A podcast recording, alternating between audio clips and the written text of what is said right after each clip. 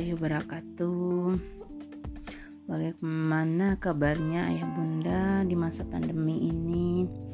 Semoga kita masih diberi ketabahan, kesehatan terutama sehingga masih tetap bisa menjalankan fungsi-fungsi dalam keluarga, dalam masyarakat, walau dalam hmm, berbagai keterbatasan. Nah, kali ini Mande akan melanjutkan tentang poin-poin dalam mendidik anak usia pre-akil balik part 2. Sebelumnya kita flashback sedikit ke belakang di mana ketika anak berusia 0 sampai 7 tahun anak-anak diharapkan atau kita berusaha memunculkan kecintaan dalam diri anak terhadap Allah, terhadap orang tua, diri sendiri dan lingkungan. Dan pada usia 7 hingga 10 tahun diharapkan anak-anak sudah punya kesadaran untuk hmm, patuh dan taat kepada Allah. Selanjutnya pada usia 11 hingga 14 tahun adalah tahap e, menguji adab yang telah didapat sebelumnya sebagai sebuah hikmah dari kumpulan-kumpulan pengalaman. Oleh karena itu, proyek bakat maupun magang serta peran-peran sosial seperti uh, kegiatan dakwah, ikut organisasi uh, ataupun semacam kelompok-kelompok belajar ataupun kelompok-kelompok di bidang bakat sangat penting. Di mana uh, adab didapatkan ataupun diperoleh dari perjalanan yang diimbangi dengan nilai-nilai dan ilmu selama hmm, tahap-tahap proyek ataupun kegiatan-kegiatan tersebut. Di mana pada usia 11 ataupun kelas 5 paling tidak ilmu tentang hakikat-hakikat kehidupan sudah mulai masuk seperti hakikat tentang Allah, hakikat tentang keluarga, hakikat tentang agama itu sudah mulai diajarkan. Tetapi sayangnya kebanyakan hmm, sebelumnya pada sebelum pandemi pada usia ini anak disibukkan dengan persiapan ujian nasional atau uh, persiapan masuk SMP favorit. Dan selanjutnya masuk SMA favorit. Nah pertanyaannya kapan sebenarnya nilai-nilai ini akan masuk? Padahal sebetulnya pada usia SMP atau paling lambat usia 14 tahun konsep-konsep kehidupan itu sudah harus ada. Sehingga ketika mereka besar udah sudah tidak bertanya lagi dan fix mereka udah tahu pada usia itu. Eh, hal-hal yang Mandi sebutkan di atas adalah tahapan secara umum agar kita punya gambaran nantinya anak-anak ini mau diarahkan ke mana dan apa yang perlu kita evaluasi dengan kegiatan-kegiatan ataupun proyek-proyek yang telah mereka coba lakukan. Ada beberapa hmm, uh, kurikulum ataupun bentuk-bentuk proyek program yang bisa kita gunakan dalam mengembangkan aspek fitrah anak. Di mana anak eh, anak-anak membiasakan uh, untuk membuat semacam jurnal ataupun lapor ataupun program-program yang kita susun untuk anak. Di mana kalau anak masih usia 7 atau 10 sampai 10 tahun mungkin orang tuanya yang akan lebih banyak observasi. Tapi kalau udah di atas itu pelan-pelan anak-anak akan diajarkan untuk menuliskan mendokumentasikan proyek-proyek mereka sendiri di mana kumpulan-kumpulan jurnal ataupun proyek ini bisa dijadikan sebuah portofolio dan ini akan sangat membantu kita untuk merancang kegiatan anak ke depan dan juga mengevaluasi hal-hal apa yang kurang pada anak. Di mana ada development portfolio ini untuk anak yang masih di bawah tujuh tahun di mana orang tua lebih banyak pengamatan dan observasi untuk melihat pola-pola anak.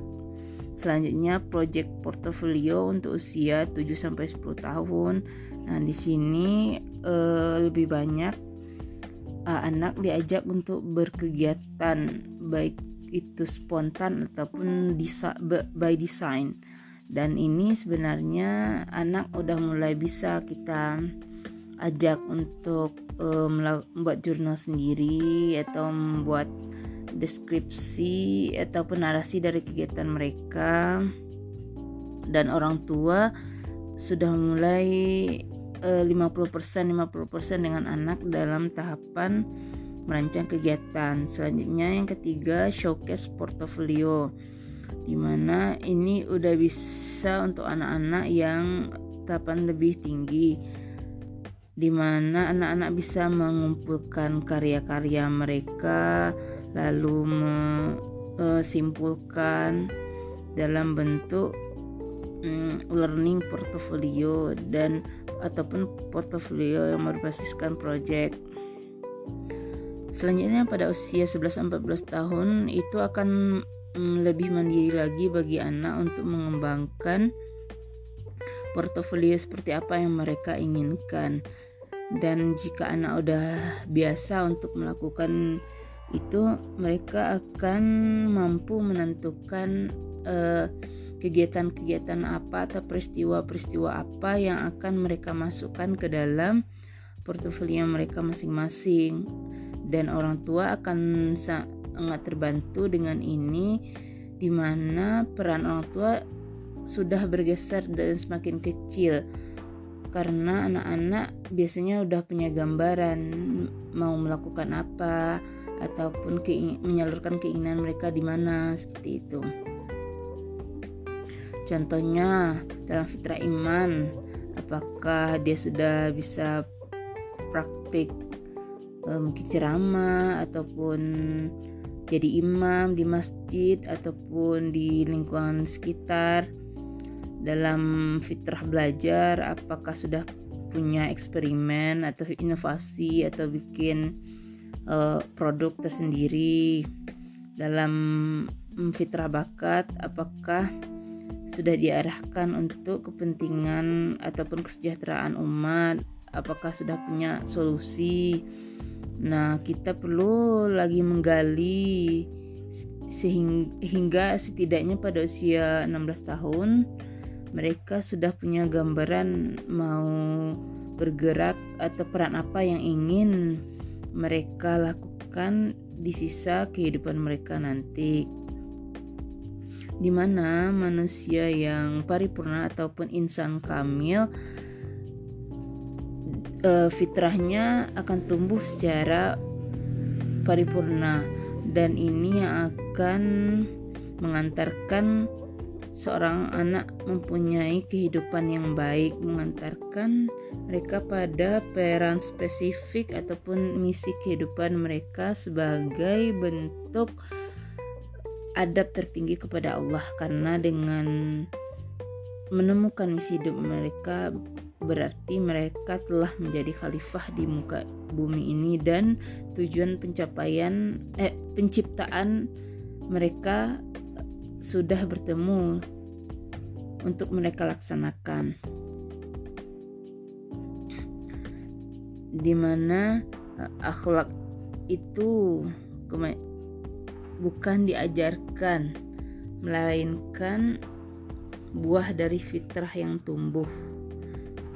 Jika fitrah belajar tumbuh, anak berinteraksi dengan alam semesta, menjadi rahmatan lil alamin, suka belajar, berakhlak pada ilmu ulama, di mana adab adalah buah dari peran-peran yang lahir. Nah, sekarang banyak eh, kejadiannya orang menyelenggarakan pendidikan akhlak. Padahal akhlak eh, dan karakter tidak akan tumbuh jika tidak dari benih yang baik ketika berbicara akhlak tetapi tidak membicarakan posisi fitrah ataupun uh, komposisi uh, fitrah dengan adab pada tahapan masing-masing usia itu akan berbeda. Uh, proporsi adab pada usia 0, 6 tahun dengan proporsi adab pada usia 7 hingga 10 tahun itu juga berbeda Nah, kebanyakan kita uh, tidak tahunya di sana. Kita menyamaratakan uh, proporsi adab dengan fitrah ini sehingga terkadang uh, kesannya mau cepat-cepat anaknya soleh pintar mengaji tapi e, caranya tidak tepat. Sehingga buru-buru anak soleh tapi malah mereka layu sebelum berkembang. Mungkin pada usia kecil mereka rajin sholat, sudah hafal ini itu, tapi ketika udah mulai banyak remaja, mereka udah mulai muak dan merasa jenuh dengan uh, kegiatan uh, dalam tanda kutip um, ibadah-ibadah ritual. Nah, di sini yang menjadi titik permasalahannya. Kita tidak tahu pada usia 6 tahun itu harusnya kita mengajarkan atau adab kepada Allah itu seperti apa? Kira-kira seperti itu. Nah sekian dari Mande untuk podcast kali ini. Semoga bermanfaat. Assalamualaikum warahmatullahi wabarakatuh. Uh, podcast kali ini Mande ambil dari kembali buku Fitrah uh, World Movement yang merupakan simpulan dari program FWM 2020. Terima kasih.